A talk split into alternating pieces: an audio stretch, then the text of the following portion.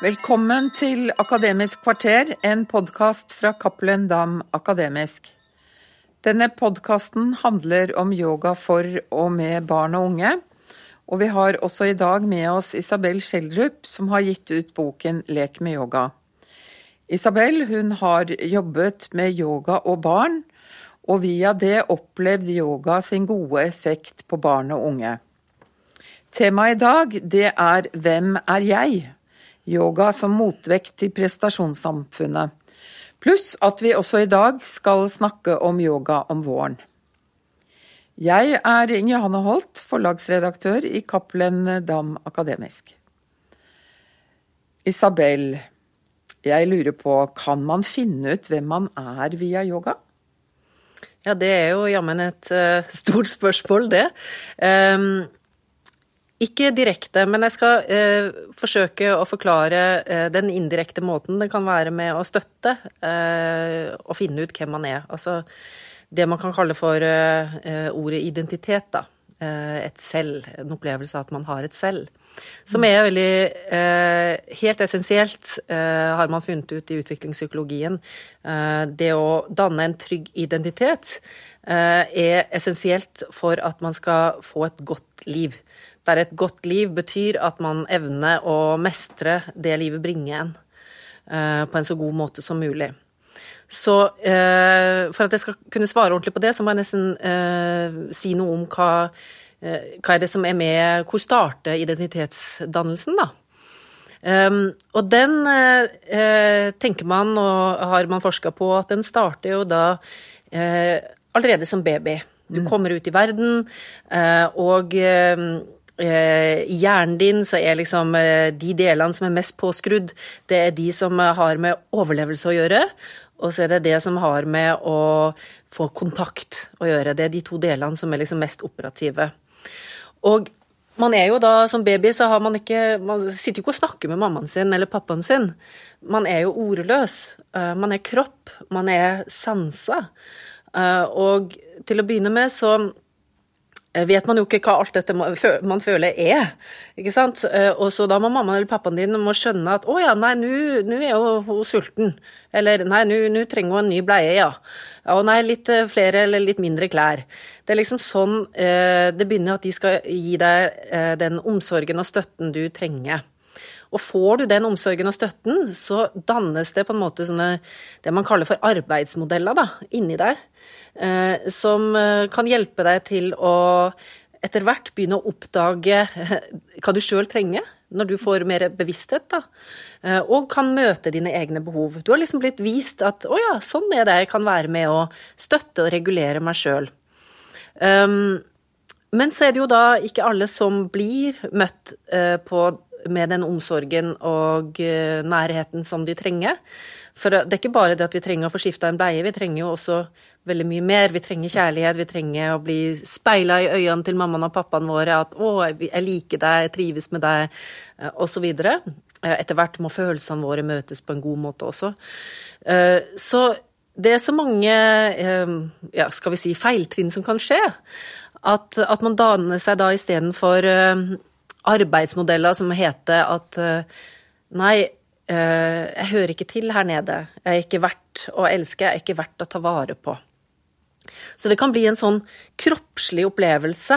For det er jo der det begynner. Det begynner i kroppen. Um, og en av mine favorittpsykologer og forfattere er Per Einar Binder, og han, han sier jo altså at den personlige identiteten, den trenger et anker som kroppen kan gi. Mm. Og hvis man da følger den tanken videre, så er det noe av det man virkelig vet om yoga. Det er at yoga i så mye større grad enn andre, la oss kalle det treningsformer, selv om yoga er veldig mye mer enn en treningsform, uh, så Eh, er yoga med på å danne eh, Hjelpe fram en økt kroppsbevissthet hos den enkelte. Og hva i all verden betyr det? Jo, det betyr det å kjenne hvor er det jeg er i rommet, hvordan er handa mi plassert, hvordan er beinet mitt plassert, eh, hvordan føler jeg ryggen min, hvordan er pusten min? Altså, det er en form for uh, kroppsbevissthet, men det er også da det å begynne å kjenne Eh, hva er det jeg føler? Eh, hva er det jeg sanser? Er jeg sulten? Er jeg tørst? Og så.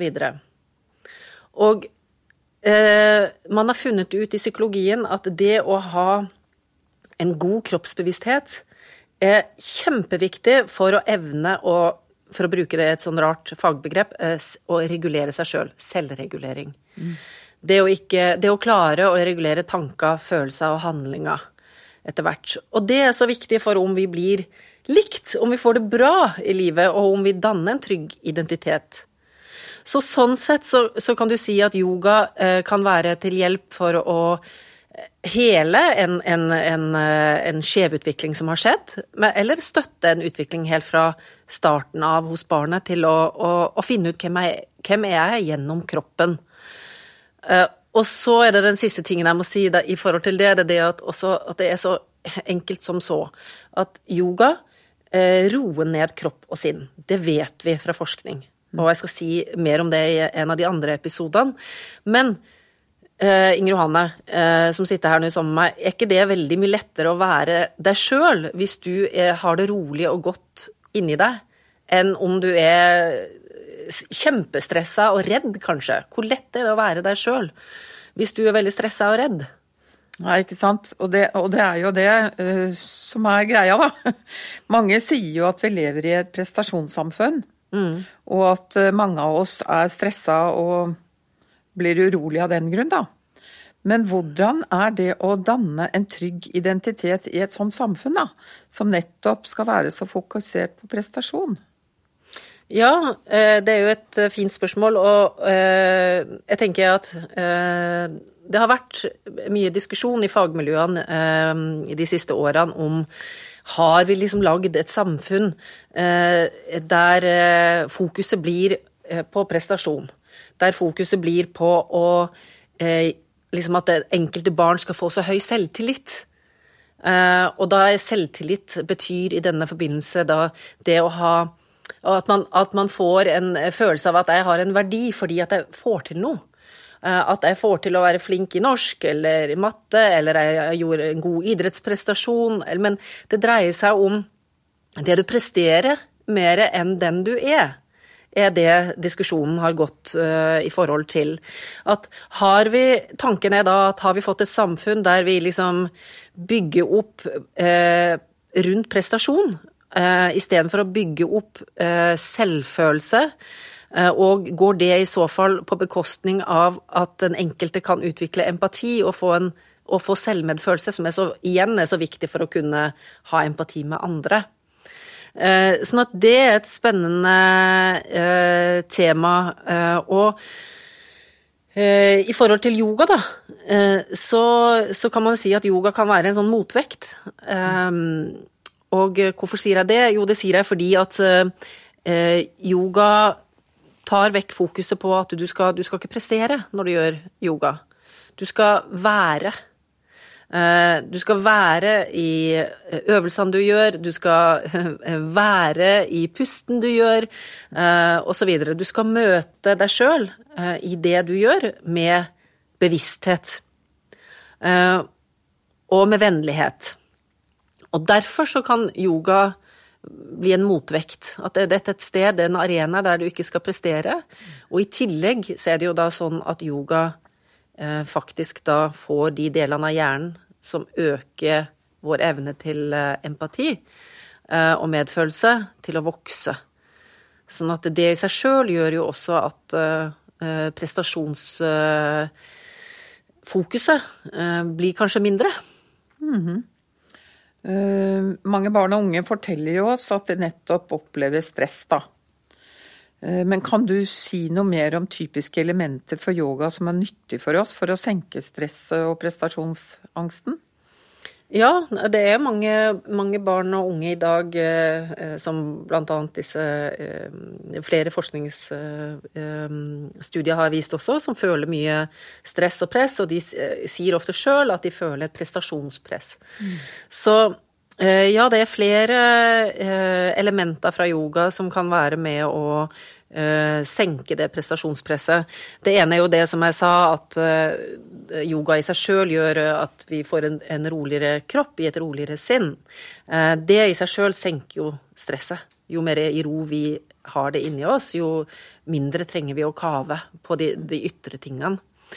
Men det er litt sånn som denne forankringa i kroppen, da. Uh, som yoga gir, at den gir en økt kroppsbevissthet. det vender i seg sjøl fokuset vekk fra prestasjon og mer til tilstedeværelse. Men jeg hadde noen lærere i yoga som var veldig, veldig fine, og de sa du skal starte liksom hver yogatime med å si til eh, barna eller de voksne at vi skal ta med oss inn tre venner i denne timen. Og det er kindness, eller altså snillhet, eh, honesty, eh, være ærlig, og awesome, og husk at du er fantastisk. Så, og det gjør vi i en typisk yogatime. Så øver vi på Eh, I instruksjoner legger vi hele tiden inn små eh, setninger om at eh, kjenn på hva du trenger. Er det godt for deg å gå så langt inn i denne øvelsen her? For mange av oss, vi har dette presset vi skal få til, vi skal få til hele tiden. Sånn at vi kan ta med oss det, særlig hvis vi er litt sånn voksne, som gjør det i enda større grad enn barn, så tar vi med oss inn på matta, da yogamatta. Dette her liksom at 'å, jeg skal prestere, jeg skal få til', og så eh, presser vi oss kanskje for langt. Og så uh, eh istedenfor at Nei, det var ikke det kroppen min trengte i det hele tatt. Kroppen min trengte heller uh, å gå mye lengre, uh, kortere inn i stillinga. Jeg får vondt hvis jeg går så langt inn. Sånn at uh, det yoga gjør, den sier lytt til hva kroppen din trenger. Møt det du møter i kroppen din med vennlighet.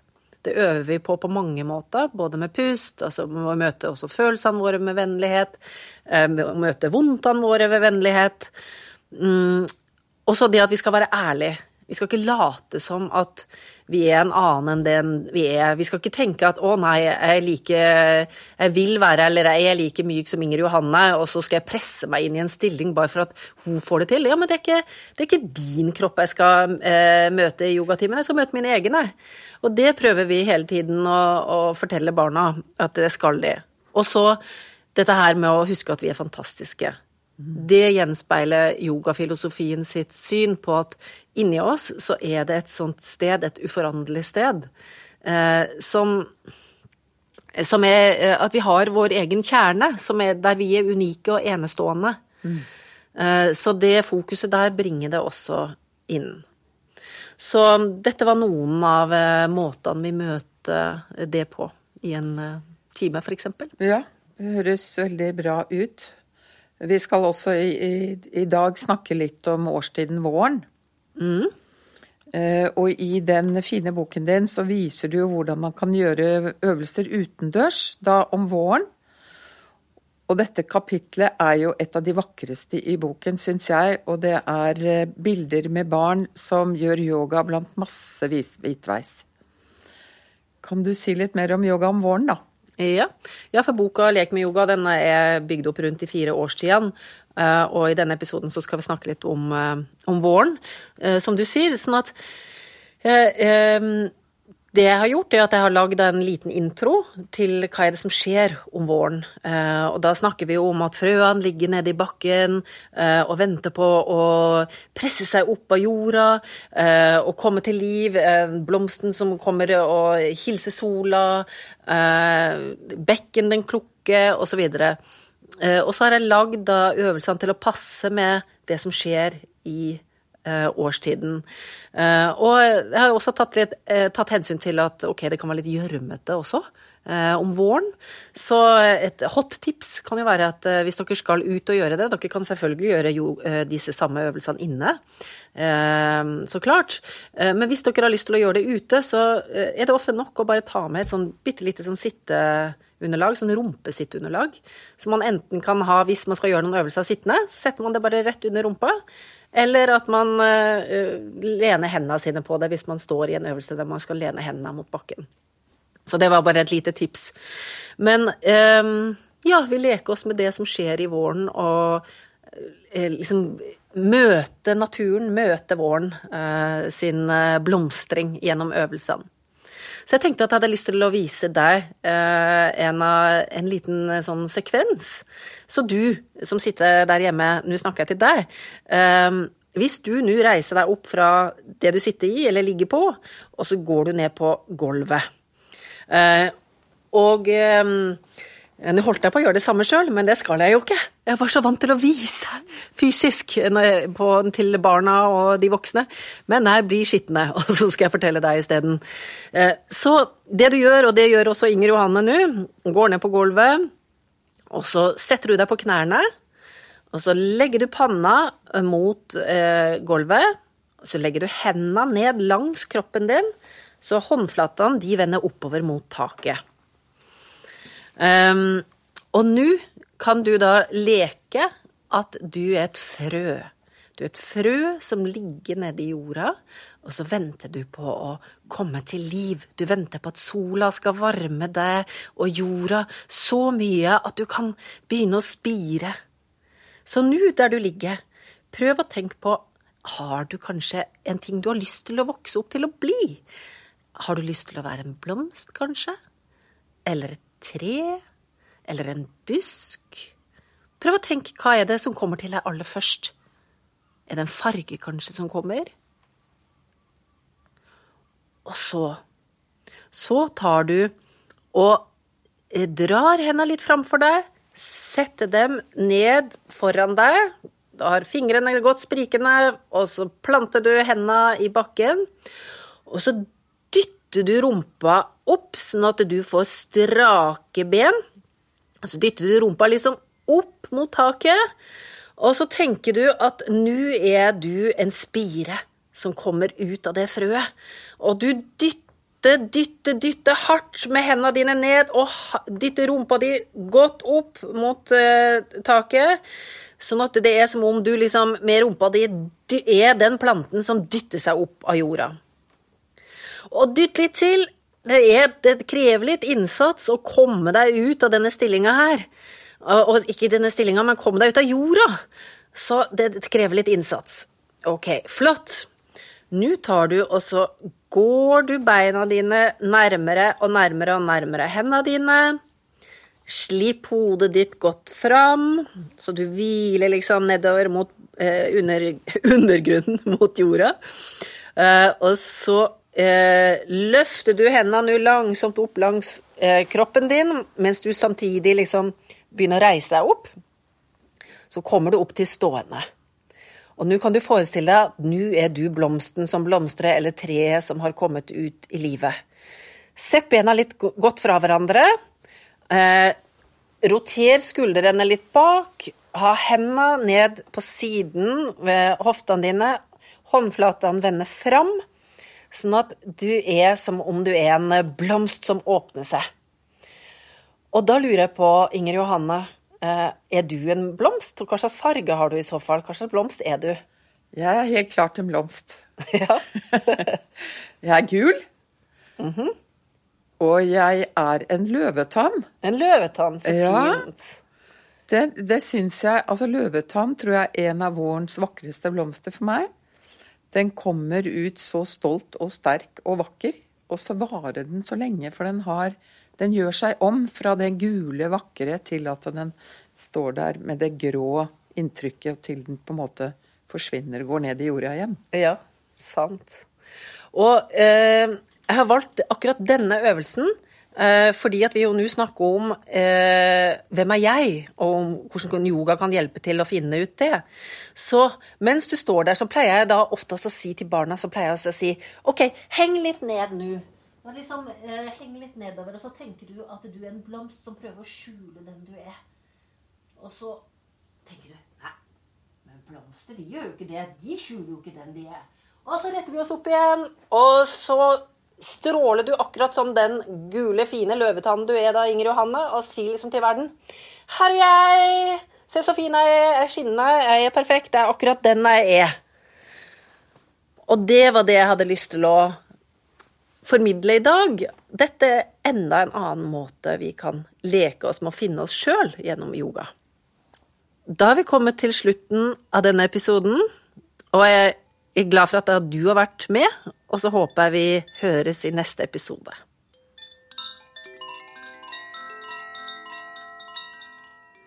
Dere har nå hørt en episode av Akademisk kvarter, en podkast av Cappelen Dam Akademisk. Boka Lek med yoga kan kjøpes i butikk eller på nett.